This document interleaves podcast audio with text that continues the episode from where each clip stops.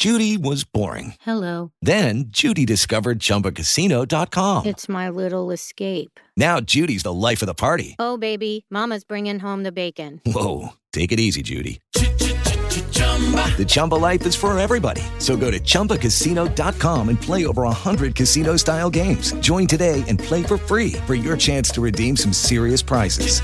chumba ChumbaCasino.com. No purchase necessary. Void where prohibited by law. 18 plus terms and conditions apply. See website for details. With the Lucky Land slots, you can get lucky just about anywhere. This is your captain speaking. Uh, we've got clear runway and the weather's fine, but we're just going to circle up here a while and uh, get lucky. No, no, nothing like that. It's just these cash prizes add up quick. So I suggest you sit back, keep your tray table upright, and start getting lucky. Play for free at LuckyLandSlots.com. Are you feeling lucky? No purchase necessary. Void where prohibited by law. 18 plus terms and conditions apply. See website for details. Doing It with Mike Sacks is looking to get some more visibility. Please rate and review this podcast on iTunes to help us out. And don't forget to visit audibletrial.com slash doing it for a free audiobook and a free one-month subscription to Audible. That's audibletrial.com slash D-O-I-N-I-T. We are, in essence, ambassadors from the gringo nation. I don't get out much, but but once I went to a Mexican restaurant and I had a spicy burrito, but but it didn't agree with me, and I, and I crapped in my pants. You sound really cute. If, if by any chance you would make a mistake to try to come in and take any one of us, we will not let you. You will die. You will have to take anybody over all of our dead bodies. Love is the only weapon. Martin Luther King died with love. Kennedy died talking about something you couldn't even understand, some kind of generalized love, and he never even backed it up. He shut down. Bruce, love is the only weapon with which I got to fight. I got a hell of a lot of weapons to fight. I got my claws, I got cutlasses, I got guns, I got dynamite, I got a hell of a lot to fight. I'll fight, I'll fight, I'll,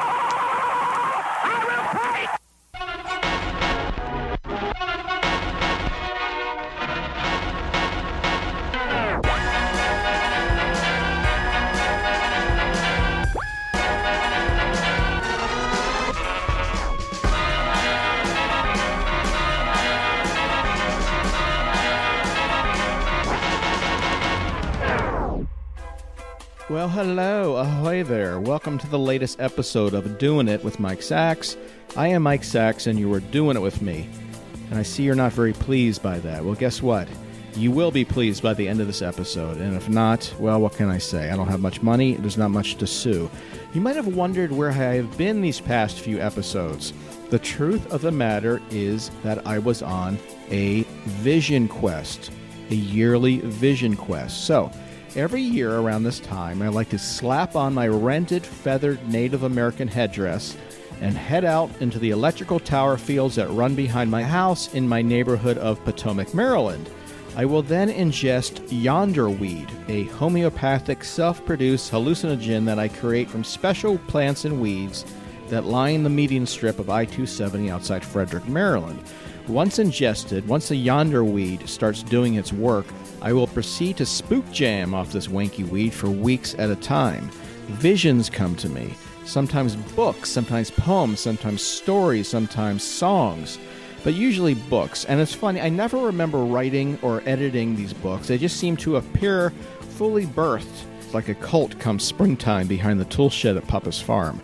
So it seems that the specific result of my most recent vision quest is a book called Stinker Lets Loose. Let me explain this. If you are standing up, please sit down. It is quite complicated. A movie came out in 1977 called Stinker Lets Loose. It was a trucking and CB movie, and it was very bad. I happened to see this movie in a theater down in Virginia Beach with my parents. I was five, yes, five, and it was my very first film. The movie featured a chimp in estrus or Sexual Heat, and the chimp's name was Rascal.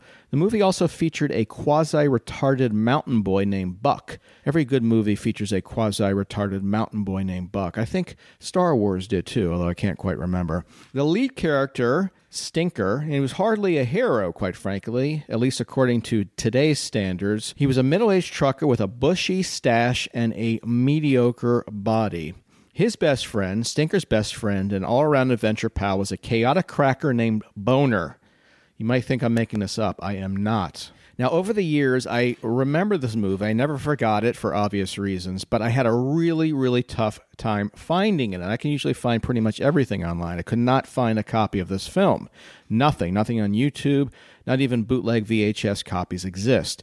But I did manage to track down, while high recently, the novelization that came out also in 1977. A novelization is a movie tie in basically a book version of a movie script. This particular novelization was written by an author named James Taylor Johnston, who wrote quite a few of these types of movie tie ins. I looked for him online, any biographical information, but found, unfortunately, that he passed away in 1988. So I am re releasing the novelization to Stinker Lets Loose under my own imprint, Sunshine Beam Publishing. The book comes with movie stills, in other words, stills from the movie, black and white, 24 of them, and the real ads that appeared in the original release, as well as some other surprises. But I am publishing this book as is, meaning that I have not changed a word. So, warning, it is not politically correct. There are many grammatical errors, there are many things that might offend someone's ears in 2017. But this novelization brings me back to that time, 1977, a time I am very much nostalgic for. So if you like pop culture, movies, the way things used to be, you'll hopefully like this book. You can find it on Amazon and Barnes and Noble. Again, it's called Stinker Lets Loose. Down the road, I will continue to republish old and odd books, including novelizations from the 60s, 70s, 80s, and 90s, as well as other surprises, all under my imprint, Sunshine Beam Press. All of that leads to a very special treat. A friend of mine Eric Martin, a professional voiceover artist, was kind enough to read the first chapter for an eventual complete audiobook version of Stinker. Here is chapter 1. Stinker Lets Loose. Chapter 1 Wakey Wakey. Stinker opened his dazzling blue eyes, slowly and with great effort. He could barely see. Was it the middle of the night? No, it felt like daytime, maybe late morning at the earliest. His eyes squinted from what little light invaded through the dirty drawn shades. A languid country song warbled from a radio alarm clock. Not surprisingly, it was about Stinker. That man, he liked to ride, ride, ride, ride, straight to his beer. That Stinker, he don't like to never ever hide. This stinker, he don't got it all nothing to fear. It wasn't a good song, nor did it make much sense, but until the day Stinker died, probably right here in his trailer, crushed under the weight of his vintage erotica collection, he'd be more than okay with it. Stinker reached across his messy, stained, well used mattress over the box of wombat scat and around the jug of doe urine for the radio's off button, hit it, and then accidentally knocked over an empty bottle of cinnamon whiskey. The sound of glass hitting and then bouncing along the linoleum floor rang in his ears and made him wince. The label couldn't be seen, but it was the brand of cheap coos booze to be found at any illegal backwoods juke joint owned by a former career Navy cook named Gravy Boat. 'Twas the only style of booze Stinker ever drunk. The great man now took stock of himself. He reached betwixt his thighs, making sure his ample package was still there. There'd be a lot of upset ladies if it wasn't. It was. Good. Rutting season would continue. Stinker was well favored by nature. The big trucker above had made sure of that. Stinker giggled. The giggle was high pitched, much like a jungle creature's, and extremely distinctive. Anyone who lived within the great state of Georgia knew this giggle, especially in the southeastern part of Georgia, where Stinker resided and thrived. Moly holy, where in the hell was I last night? ejaculated Stinker, more to himself than to anyone else, as no one else was in the bedroom. Where now? It started to slowly come back. Oh, yes, with Lizzie, that spicy, slinky firecracker of an overnight waitress at Hank's Saloon. That dirty little thing with the tight knockoff designer jeans, all moist around the edges, teacup long since gone a cracked, slicking the sluice and drying the goose. And what did we do all night? Got drunk and then. Ahem. That last part was best left to his own fading memory. Where was Liz now? Not in this dump, that was for sure. She was a cat, clean, sleek, stylish, loved to lick. He was more like a dog, smelly, Sometimes his penis was visible in public, sometimes even his anus. He didn't care. Harry. Liz's old man was a biker, which could spell danger. Don't touch the snatch when daddy's got the patch. Not that Stinker was overly frightened, 'cause Stinker had the flesh, lived the standard. The day was early yet, but there was already a string of bubblegum lodged securely within Stinker's thick and lustrous stash. He'd have to attend to that latter. Might even have to buy himself a monogrammed mustache wide comb. Would go well with his monogrammed lice comb. Stinker slowly made his way to a standing position. He was wearing nothing but his boxers festooned with the Confederate flag and his authentic felt Stetson cowboy hat. Always with the cowboy hat. I'll be a dirty word, he cried suddenly. It's you. Sitting in a broken rocking chair, just next to the broken television, was Stinker's best friend and all around loyal adventure comrade, Boner. Unlike Stinker, Boner was clean shaven and already duded up in his tough nut tux, crisp Levi jeans, mahogany red supple genuine leather python cowboy boots with raised top stitching, an antique pewter belt buckle in the shape of an agave leaf, and a dark chocolate brown Biltmore Western cowboy hat raked handsomely to the side.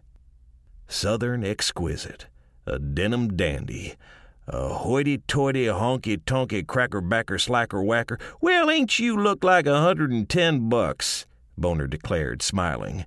It was an impish grin, one the ladies could never, ever resist. Even the guys had a difficult time ignoring it. Perhaps that had more to do with the discoloration of Boner's teeth and gums, but Boner wasn't complaining. Smoke, declared Stinker in a husky voice.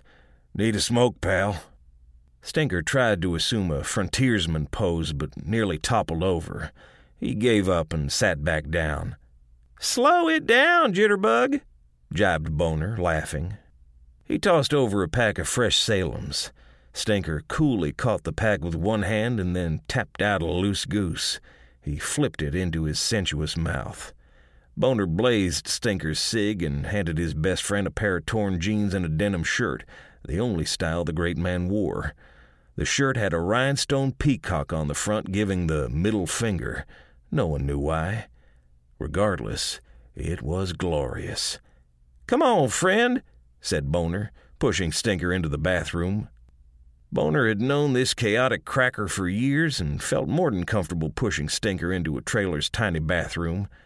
Your buddy is brewing up some strong Joe, as well as a piping hot plate of hash. He was talking about himself. Oh, Harumph, said Stinker, and then burped noisily. Boner made a face. You smell like the devil. The devil I know or the devil I don't?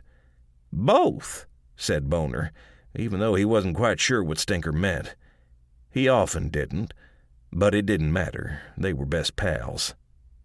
Follow me, sir, said Boner, pretending he was a maitre d' at a fancy upscale French restaurant in the snootiest of academic northeast cities. He led Stinker out of the bathroom and over to the trailer's kitchenette area. We saved your table, monsieur. Stinker rolled his eyes. This was a game. Boner was forever playing the role of attendant, while Stinker was forever acting the role of rich, fancy gentleman. It was fun, but Stinker sometimes wished Boner could save it for another time. His entire body hurt.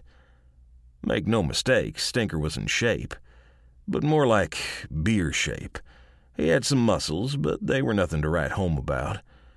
Meanwhile, what exactly did Liz and him get up to last night? Whatever it was, he was now paying the full price. Stinker hated paying the full price. Boner presented Stinker with a steaming plate of delicious fried taters. He plunked down a huge cup of black coffee in a shit kicking mug, just the way Stinker liked it. Can't, said Stinker. Will, said Boner. Don't let your alligator mouth overload your hummingbird ass. Stinker took a deep gulp of the strong brew and immediately began to feel better. Where's Rascal? Consumed by a croc? Asked Boner, handing Stinker a fake cloth napkin. Ain't my chimp. That there's one animal who ain't gonna travel far, replied Stinker. Not with that big, fat, lazy ass. She reached estrus last week, said Boner. Going all types of crazy. Chimp lost her mind. Why wouldn't she run? Stinker retorted. If she has run, I'm desiring she run off to find herself a male, and best of luck to him. Boner chuckled deeply and then sat down next to Stinker. All of a sudden, his expression showed one of deep concern. He remembered what he had to tell Stinker, and it wasn't good. Hey, buddy, I hate to be the bearer of bad news and all. Don't tell me, said Stinker. Here it comes, thought Stinker. A big roller rink pickle. I'm telling you, said Boner. The big man wants to see you, says it's of mucho importance, has another job for you, says it might be the most significant adventure of your already spectacular life. Of all days, said Stinker, anus puckering but not exposed. Lord on a buttery shit biscuit, why today? Stinker's stomach grumbled, and he floated out a lively one, a most dishonorable discharge. It smelled of government issued hot dogs that had turned at a particularly depressing July 4th celebration. Helicopter's waiting, said Boner, holding his nose in a funny way and pointing outside to a large grassy area. Been here for hours. Not going without Rascal, muttered Stinker. No way, no how. That's a big negatory. I wouldn't push buttons, said Boner. Big man sounded like he meant there was a loud crash. Both Stinker and Boner jumped. Glass flew and the table was upended. Before he knew it, Stinker was on the ground. Boner was still standing. Barely. Speak of the devil I know, said Stinker, shaking his head. There's my chimp now. Rascal the chimp roared with displeasure. Ever since she had reached sexual maturity the previous week, the great beast was capable of significant ungodly violence. Grabbing the coffee pot, she hurled it against the refrigerator. She bared her big yellow fangs and then grabbed at her flapjack breasts and her freakishly inverted teats. She chewed at the air. She stomped and BM'd on the cheap vinyl flooring. The stinky soft serve steamed profoundly ferocious. Madder than a tick in a tornado, exclaimed Boner. Bitch chimp has two speeds violence or silence. Boner and Stinker threw back their heads and laughed uproariously. For Stinker, this was more fun than reciting dirty limericks while high on downers. Yes, this chimp was off her rocker, there was no doubt about that. But there was also something about the old girl that was endearing. Maybe it was her loyalty, or that she was always up for an adventure, or good in a fight, or free. Stinker had stolen Rascal from an illegitimate traveling engine circus in Alabama the previous month, and they were already fast friends. Stinker wondered how this old chimp was going to do on a helicopter flight. She was scared to death of enclosed spaces. Well, we'll soon find out, he thought. He closed his eyes and listened to the damage being wrought. This should be fun. That was Eric Martin reading Stinker Lets Loose. Find out more about Eric on his website, ericmartinvoiceover.com. I'm Rob Schulte, the producer of Doing It with Mike Sacks, and we have a whole bunch of episode left for you, including two interviews. One with television writer and producer Alec Berg, and the other with comedian Jena Friedman.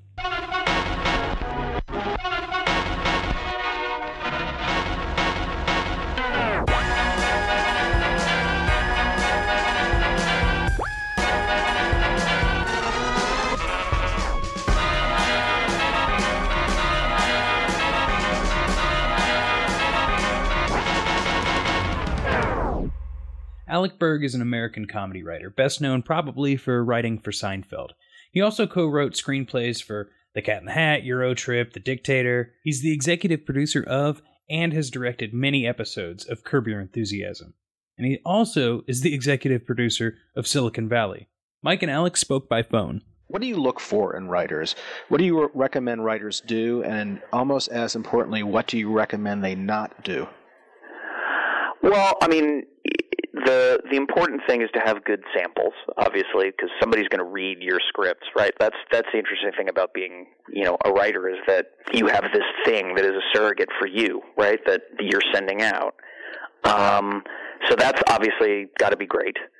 And then the other thing, quite honestly, is what you look for in somebody is like you're going to be spending hundreds of hours in close quarters with somebody you know, sometimes at three in the morning when you're exhausted. You just, you know, a lot of it is you just don't want somebody who's who's high maintenance, who's nuts, who's irritating. You know, I mean, you, comedy writers all have you know insane little habits, and and you know some of them are are truly you know oddball nuts, but at a certain point it gets grating. Like you're on a submarine with people, you know, and you go down and you stay down for months at a time in very close quarters.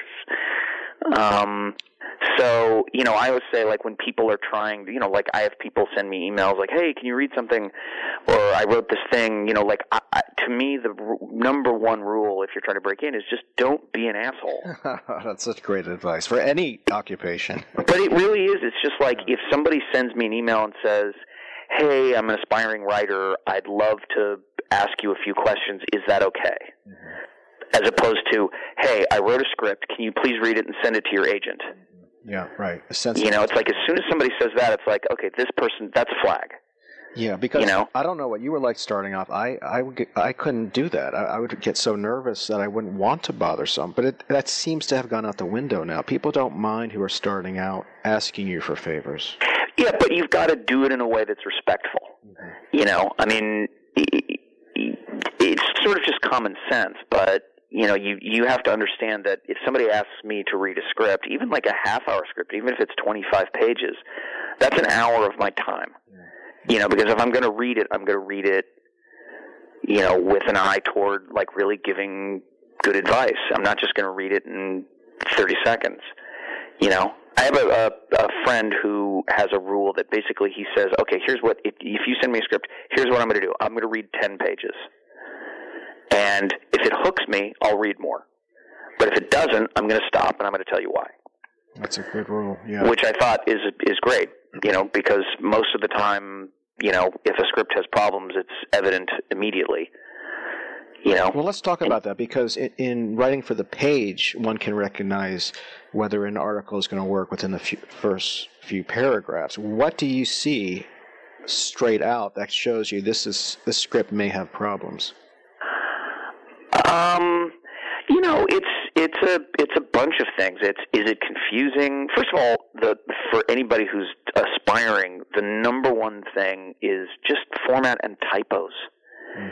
It's crazy. It's like you're asking me to devote an enormous amount of time and energy to reading this thing, and you can't even bother to read it yourself. Mm-hmm. You know, that's a to me an, an immediate sign where it's just like if you haven't proofread this thing or you haven't bothered you know, to notice that you're spelling a character's name two different ways in the first four pages. Yeah. You know, it's a sign. You know, it doesn't mean it's a bad script. It doesn't. Like, you know, some writers have just zero attention to detail who are brilliant, but it is a warning sign. Um, you know, is it confusing?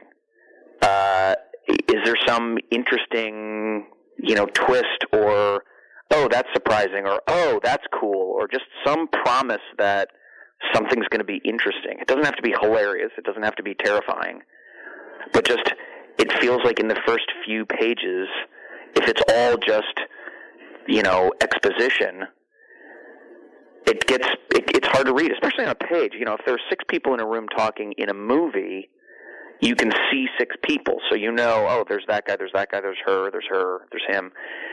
On the page, six different names saying things. You're like, wait, who is Dennis? Yeah. Who's Jeannie? Which one? You can't really distinguish who's who. Yeah. And it's just this overload right at the beginning. You know, so you have to be conscious of that as well, especially if it's something that, you know, people don't know the characters. Well, that's what, what I wonder too about these big ensemble movies. I mean, I, I can see One Flew Over the Cuckoo's Nest as being a book and then a, a stage play, but how does the reader differentiate between so many characters? Yeah, it's hard. It's hard, which is why, you know, like there are tricks. Um, you know, I read scripts where people say like, you know, there's, you know, a, a big ugly goon. We'll call him, you know, thick neck. You know, and then there's a, a weird looking guy. We'll call him Weasel. You know, so you go, oh, okay, thick neck is that guy with the thick neck. You know, and Weasel is the Weaselly guy. It just it, that makes it easier because it's a you know it's a descriptor, not just a name. Um, Because if Fred was a Weasley guy, you would forget that after the first few pages. Well, that's the thing is it's just names, right? Um, but it's also that's part of the art of it is like just how do you make this digestible? You know, we deal with that on Silicon Valley all the time, where it's just like, okay, this is a lot of tech gobbledygook. How do we how do we present this to the audience in a way that is digestible and palatable, and also we run into this problem a lot on our show where my my wife and I had this this running joke. We used to watch CSI, and we played this drinking game where you would have to drink if the next logical line out of a character's mouth is "I know, I work here," because half of that show is you know if we put this into the vapor chamber, then the fingerprints will show up with the blah blah gas, and the other person would go, "Yeah, I know, I work here." Um, and so one of the things we do on Silicon Valley a lot is you're always trying to phrase that information in terms of an argument uh, where characters are on opposite sides of something. Where, you know, as opposed to, we're going to take this and compress it with this and blah, blah, blah. And the other people go, yeah, we know, we work here. You know, some one person would say, wait, we're not seriously going to blah, blah, blah, are we? And the other person would go, yeah, I think it's a good idea. No, because if we do that, then and now you've got two characters on opposite sides of it, and that that exposition comes out in a way that is actually loaded with tension and and drama as opposed to just it's just information. Well, now that you mention that, I, I can think back of so many examples of that. That's really interesting. You know, one person says something and say, "No, you can't do that," and the other person say, "Well, actually, you can because of this." I didn't even Yeah. notice that. Yeah, well, it's it's. I mean, we really. It's like you know. Some, I think I can't remember who originally coined the phrase, but somebody. I think it was Greg Daniels who said that. You know, you you can't just give them medicine. You have to put sugar on it. Um, you know, so it's it's the the medicine is the information, but you have to coat it with some sort of sugar. You know, and make it interesting or energized in some way. Um, so we do a lot of that, and that's that's sort of a good rule I find in general is the stories that are the most interesting are where you get people against each other. Mm-hmm. You know, and so a lot of times if we're stuck on something where it's like this seems really flat, well then just make somebody in that scene vehemently disagree with what's happening or, you know, somebody should should think it's a bad idea or, you know, and then who would that be? And that's you start to get kind of funny, interesting you know, factions where it's like, oh, it's funny that these two people agree on that because they never agree. Right, right. You know, and that becomes its own energy. Yeah, you know, uh, how do you fall on the divide of writing specs for existing shows versus their own shows?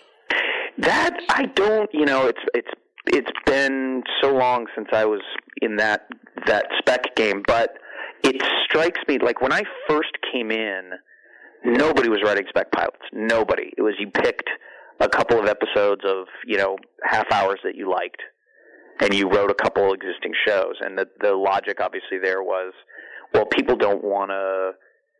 People want to. You're going to be hired to work on an existing show. People want to know that you can you can write in somebody else's voice And also, people don't want to take the time to figure out what you're writing. They want to know what show it is and just know they in, they you know can read it and tell whether it's good or not. But now it feels like almost everything I read when I read new writers is a pilot. I don't think I've read a a, a spec of an existing show in a few years.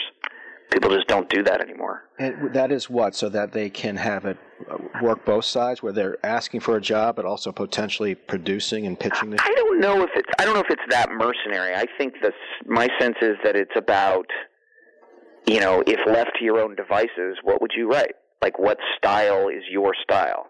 You know, and what kind of comedy is naturally your comedy? Um, right. So if somebody is real kind of like serious minded, dramatically inclined, they're going to write something that's you know more dramatic. Um, I guess is the theory, right? Where it's like, and also, I, you know, personally, I always preferred reading pilots because if you write a really good episode of a show I hate, mm-hmm. I'm not going to like it. Right. Right? You're like, you've already lost because I don't like the show you chose to write. Um, there was a. So I guess that's the logic of it. Well, I, I, interviewed a producer, and he said, "Listen, I mean, it's almost like us grading papers for teachers. If you can stand out in any way, whether it's making stage directions funny, anything to pop, we appreciate that." Yeah, that's probably true. I mean, you know, I think that's it's interesting. Like on the one hand, when you're writing a script, what it really is is a blueprint for, you know, a produced episode. So you know, stage, nobody films stage direction, right? So that that doesn't end up on screen a lot of times. Um, but you're right. You can certainly like, you know, to me the most notable example I remember is Joe Eszterhas, who you know he was selling spec scripts in the 80s for millions of dollars, and a lot of the reason was they read incredibly well. You know, his stage direction was really kind of cool and fun and evocative. And so it wasn't like so and so enters. He turns to his left, and on the wall is this. He takes four steps and crosses to the desk, picks up the pencil. You know, it was moody and cool, and they walk in. Wow, nice place. Is that a Picasso on the wall? You know, where it just was a fun read. Mm-hmm.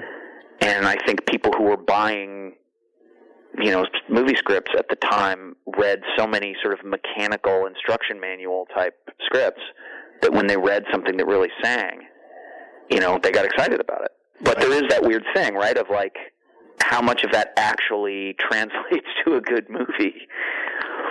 That's the thing. It seems the whole thing just seems kind of murky. I mean, you could stand out, but you don't really know why you might stand out. And I guess, yeah, like you say, just produce a good script and be nice. Yeah, but it's funny. Like when I when I was coming in, I had a friend who was also trying to break in as a writer, and you know everybody was writing spec Simpsons or Seinfeld or Cheers, and he wrote a spec Hogan's Heroes, and it got him work. Yeah. Because it was like, wait, what? He wrote a a show from 30 years ago. Right. And it, people were amused by it, and they're like, "Yeah, I'll read a Hogan's Heroes, sure." And it was a good script. A brilliant but that, that, That's amazing. That got him, you know, noticed because it was different. Well, it's like the writer, and I'm forgetting his name. I interviewed him, who wrote the spec script on Seinfeld post 9/11, which I thought was an amazing way to attack it. How the Seinfeld characters would react in a on September 12th in New York. Right. Right. Oh, that's interesting. Yeah, I thought that was a nice way of going about it. You know, one of the things I love about uh, Silicon Valley, among many things, is just how tight these scripts are. I mean, the precision with which these scripts are written. There's not one wasted moment. And I'm wondering if, if viewers know that, or maybe it doesn't even matter to them, but it, it's one of the tightest shows I've ever seen. How much work goes into a typical uh, episode script wise for for a, a, huge a huge amount. And that that goes back to you know I learned to write half hour from Larry David and Jerry Seinfeld. And the coin of the realm there was structure you know and we would shoot these Seinfeld aired I think it was 21 and a half minutes we aired at. And we would shoot sometimes 30 minute shows so you've got to go into an edit room and you've got to cut you know almost a third of a show out and what that did is it just meant that every single frame mattered. Um, because if it could come out, if it wasn't bolted down, it was gone. You know, and one of the things that did, if you look at Seinfeld, and and I think I kind of learned that from them, and and it's how we write Silicon Valley. Like every single beat of every story is necessary, and if it isn't, you cut it. So if you're not advancing the story in some critical way, that you know, if you don't need you know scene B to get from scene A to scene C, it's going to come out. You know, and one of the things that's interesting about Seinfeld is everything that's funny in Seinfeld is is story. You know, it's it's the, it's the episode where this happened, or the episode where this happened, and there are almost no freestanding jokes. You know, it's like the jokes are also all about plot and and you know things that happen in one scene that seem like a joke turn into plot in the next scene. Um, and if you didn't have that joke about that, then this character wouldn't have behaved in this way in this scene, and it wouldn't have caused that thing to happen. You know, so every scene is about okay, what's the new information? What's the new vector? Like a character comes into this scene thinking he's going left, and then something happens in that scene that changes his mind, and now he's going right. And now because he goes right, something happens, and now because that happened, the character has to make a decision. Now, do I go up or down? The character goes down, and because he goes down, something happens, and now he's got to make another choice. So you're keeping the characters active, right? They've got to make decisions, and they have to react to what's happened, and what's happened has happened because of something they've done. Right. I was. I noticed that recently. I was watching Seinfeld. Just how quickly it, it it's so powerfully propels forward that there is literally not a wasted line. I mean, it, yeah. Well, that that came from you know you'd you'd come up with these kernels of ideas, and then you'd spend you know sometimes months hammering out an outline, and it was outline, outline, outline, and then you'd you know you'd outline a first act, and you'd bring Larry and Jerry into your office and show them your board. You'd say, okay, this is the first act, and they'd go, that's two scenes. Put that in that scene. Compress this, compress this, compress this, and it was like you know, putting whatever like leaves in a garbage bag and then stomping it down and stomping it down and stomping it down, you know, and you would start with a very light bag that was full of leaves, and by the end, you know, you had a bag that was incredibly heavy because it had just been compacted and compacted and compacted. Um, and I remember vividly, uh, my partner at the time, Jeff Schaffer, and I wrote our first Seinfeld script when we got on staff, and we gave it to Larry to read, and he was going to a rehearsal, so he took it over to the stage, and we kind of followed him, and we sort of watched from a distance because we wanted to watch him read our script, and he read it in about 90 seconds. It's just he looked at page, flip, page, flip, page, flip, and we were like, well, "What's he? What's he doing? He's not savoring our our gems." You know, we wrote all these great words and he's just the, and I realized now he was just reading it for structure. You know, he was just reading to go, okay, they do that, right? And then this happens, okay, and then he decides to do that, okay, right? And then, oh, I see, the guy that, you know, Kramer is fighting with is the guy that then ends up uh, impacting George's story. And he was just reading it for structure because if the structure is right, the jokes kind of just happen automatically, you know, and if you know what every character in a scene is doing and what they want, and who they're up against and what they need to get out of a scene and what happens and what that leads to. You know, the comedy is sort of baked in on Seinfeld stories because those things are funny. I would imagine you'd have more wiggle room as far as jokes working or not working because if a viewer is invested with characters and story, that counts for a lot. For sure. Yeah, absolutely. Yeah, and it's you know again it's like the the comedy of Seinfeld episodes, and hopefully you know of Silicon Valley because I you know that's that was my training. Is is what happens, you know, and what characters want, and it's not like uh you know sort of a simple story that you put a lot of funny jokes on top of. You know, I get bored very fast when things aren't moving. Well, how how scripted out are the not just the arcs for particular shows, but for the entire season because there's so many twists and turns in Silicon Valley. Yeah, I mean this that's kind of the the interesting thing about this about Silicon Valley is just the the a it's serialized and it's the first thing I've ever done that's really serialized. Um, and B it's incredibly technical. Um, so when we start writing, we usually spend the first week or two talking kind of big picture, like what is this season's arc. Um, and sometimes, you know, like it depends on season to season. Like season one, we had no idea where we were going, and then about halfway through the writing process, we landed on TechCrunch Disrupt and this big show, and it was like, oh, it's like American Idol for startups. That's a great place to sort of end up. Um, and then we kind of backed into a lot of the middle of the season, and then season two, the guys get sued, and then we figured out the end of the season pretty quickly, and we kind of filled in the middle as we went. And then seasons three and four, we kind of wrote from beginning to end, and we didn't know where we were going to end season three until pretty late in the game, and we didn't know where we were going to end season four until really late. So does that group effort is that used towards the plot, breaking down the stories, building up the structure as much as it is popping out the best joke? Yeah, yeah. I mean, it's you know we it's a different like it's interesting. You know, my my former partner Dave Mandel runs Veep uh, now, and he's doing it. My understanding is he's doing it much more like Seinfeld was done, where he's making each writer sort of a custodian of a specific episode. You know, where they're breaking up the the episodes into ten individual chunks and then saying, okay, you've got one, you've got two, you've got three. We don't really do it that way, and it's I think it's very hard to do that if you're doing something that's very serialized. And I guess in Dave's situation, Dave is the one who's got his finger in all ten episodes, so he's the sort of custodian of the story. In in our case, it's just easier. I've found to just we kind of do everything. We break like the arc of the season and each individual story. We'll break into two rooms sometimes, where it'll be like, okay, you guys go and figure out what happens next week. Mm-hmm. You know, based on the threads that we're chasing and then I'm going to sit in this room and and we're going to work on this week's episode or whatever. But generally, everybody is involved for the most part. You know, from beginning to end. I mean, you're literally creating a world, so I can see where it's almost like chipping away at stone. Yeah, but it's also, I mean, and this is a, you know, it's a it's a double-edged sword. But we're creating a world, but it's also a very, very real world that's that's dependent on the laws of our world.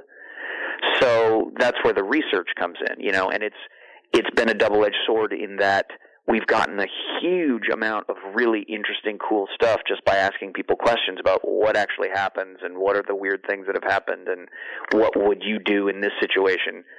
The downside of it is that a lot of times we'll come up with stuff that we fall in love with, and then we'll have a lawyer vet it and go, "Yeah, that would never happen." Mm-hmm. We're like, "Yeah, but it, we love it." And they're like, "Well, I don't give a shit. It it's it doesn't it, it would never happen. Mm-hmm. That that you know that would get you'd throw that out immediately. And so sometimes we negotiate with our research people, and we're like, look, can you can you justify some way that this would happen? You know, and what work do we have to do to to make this possible? But through research comes jokes that I thought originally were created by you, but existed, such as the skinny car. Oh yeah, yeah, that's real. Yeah, I mean that's that's a world that I knew nothing about, and that's one of the fascinating things about it. It brings me into a world that was totally foreign to me. Yeah, and that you know, for whatever reason, is just something from the beginning. You know, Mike Mike Judge is he was a musician, and I think he hears things, and you know, the same way that music can be on pitch or off pitch I think he hears things comedically, and it's like, oh, that sounds right. And or that looks right, or that feels right, that feels like properly tuned, and you know he was an engineer as well, so I think he has a real ear for like how the world of engineering sounds and how these people behave. Um, and so that was one of those things where it's just like, yeah, that just seems like something that a, a tech billionaire would have. Is like some weird skinny car. Does that music metaphor would that extend to a joke where when you hear a joke work well, it's you're hitting a melody that that you know works? For sure, for sure. I mean, it's you know, you look at Mike's stuff. A lot of it is like you know, it's it's rhythm and tone and you know, it's not just a lot of people talking fast and saying funny things. You know, and it's and you can tell like you know going back to Seinfeld it's like the greatest stories on that show were things that you just absolutely knew had happened to somebody there's like a nuance to reality that you know as opposed to like you know people would pitch uh, story ideas to us and it would be like there'd be 10 ideas on a page and nine of them are clearly like, oh, here's something funny that somebody could do, and then one of them was some super weird thing that you knew just happened to somebody they knew, and those were always the funniest. You know, my favorite example is we did a Seinfeld episode where Kramer finds the Merv Griffin show set in a dumpster right. and sets it up in his, in his apartment. And Bruce Kaplan, who wrote that episode, was walking down the street in New York and saw the Merv Griffin show set in a dumpster and thought that's a really funny, weird thing. And he didn't even know what to do with the idea, but he knew that was a funny, weird thing. And you could sit in a room for a hundred years and never go, I know. What if Kramer finds the Merv Griffin show set in a dumpster? Yeah, Um, so true. I just interviewed Jesse Armstrong, the British writer. He said my advice would be to hook up with people who have experienced crazy things. For instance, I had a boss once who was on a phone call that he couldn't get off of, so he had a shit in a McDonald's bag. and he later used it. right. Story. I mean, that's you can't really. That's just pure gold right there. Yeah, yeah, that's exactly right. I mean, and that's the thing. You know, Larry David carries a notebook with him everywhere he goes, and a huge number of the stories that get into that, into Curb or you know Seinfeld before that, are just funny things that happened to him. Yeah. You know, and it's like, and you know, anytime you're in public and uncomfortable, mm-hmm. that you know, there's a pretty good chance that there's something in there that you can use comedically. Check out Silicon Valley. It's on HBO. Next up, contributor to the show Ian Goldstein has an interview with Jena Friedman. Jena Friedman is an American stand up comedian.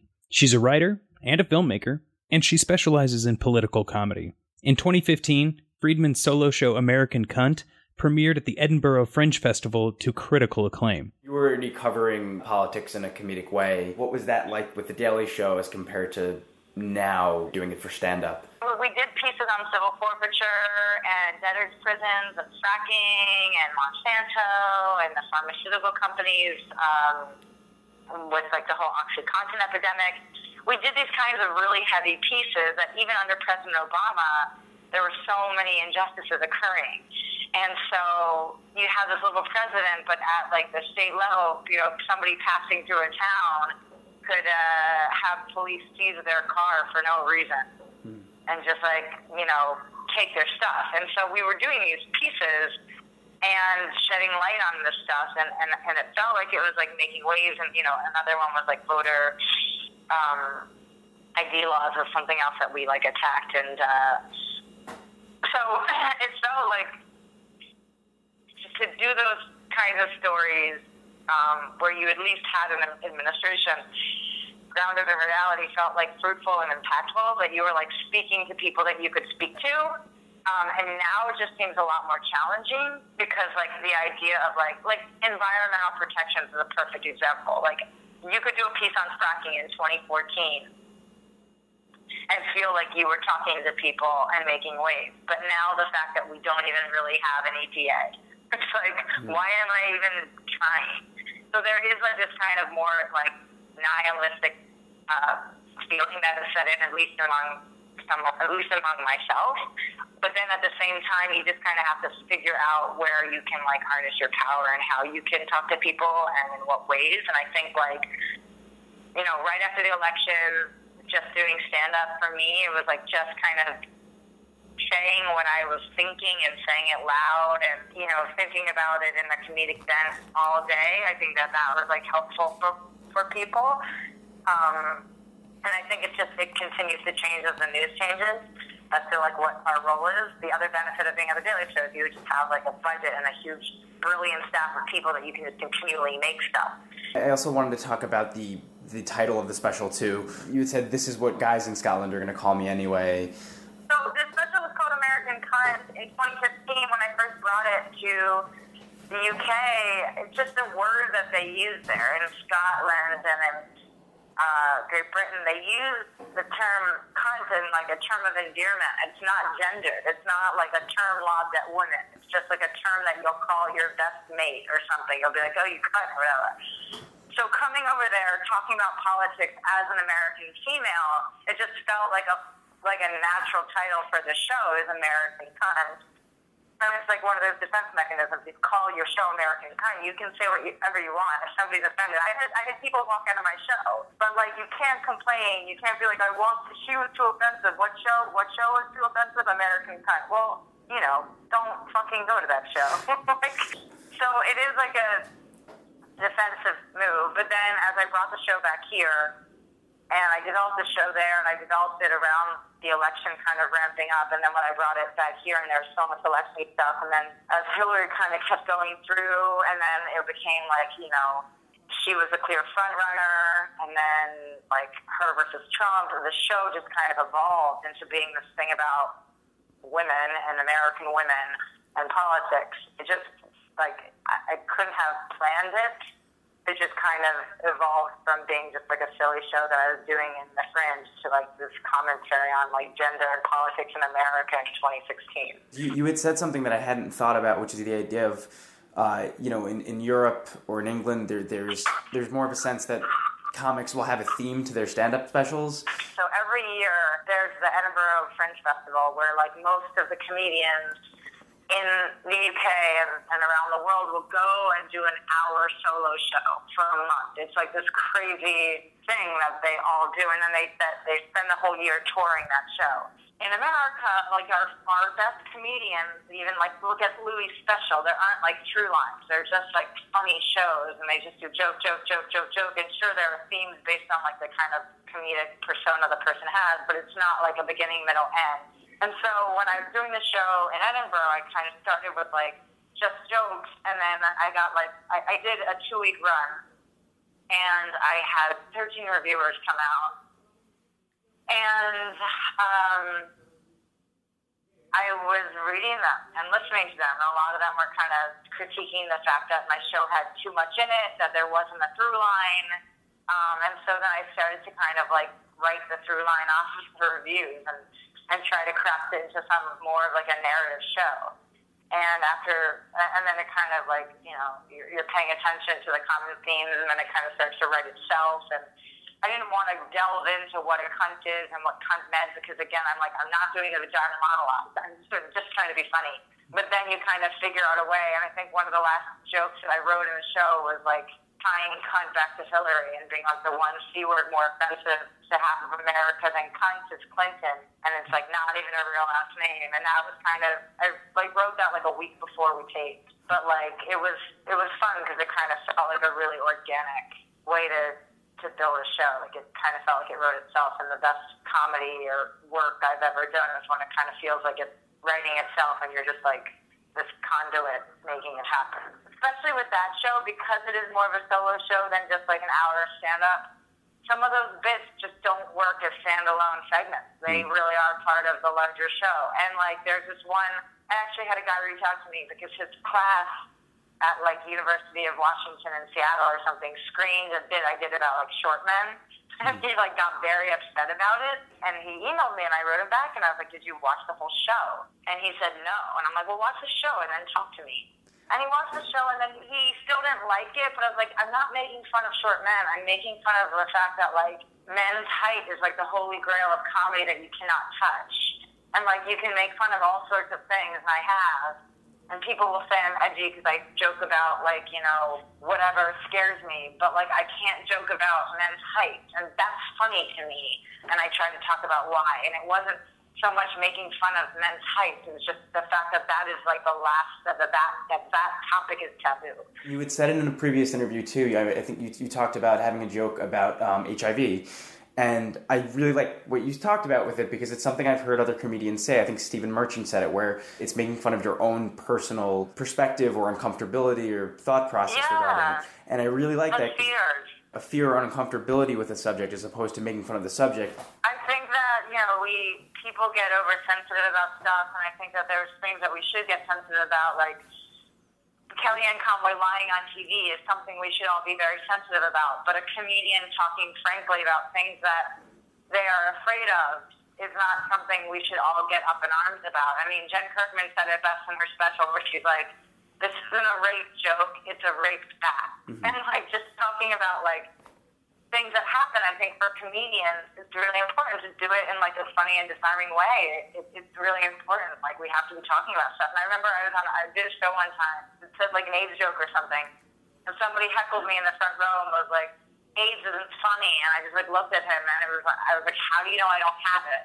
Yeah, I, I remember doing those same jokes in like the gay neighborhood in Boys Town among like you know a, a soul like a just standing room only of like old gay men in their 60s and 70s, and they were laughing so hard, and, and that gave me the confidence to do those kinds of jokes because it's like if you can do a joke to the audience most affected by it, like they get it, they see your humanity, they understand it.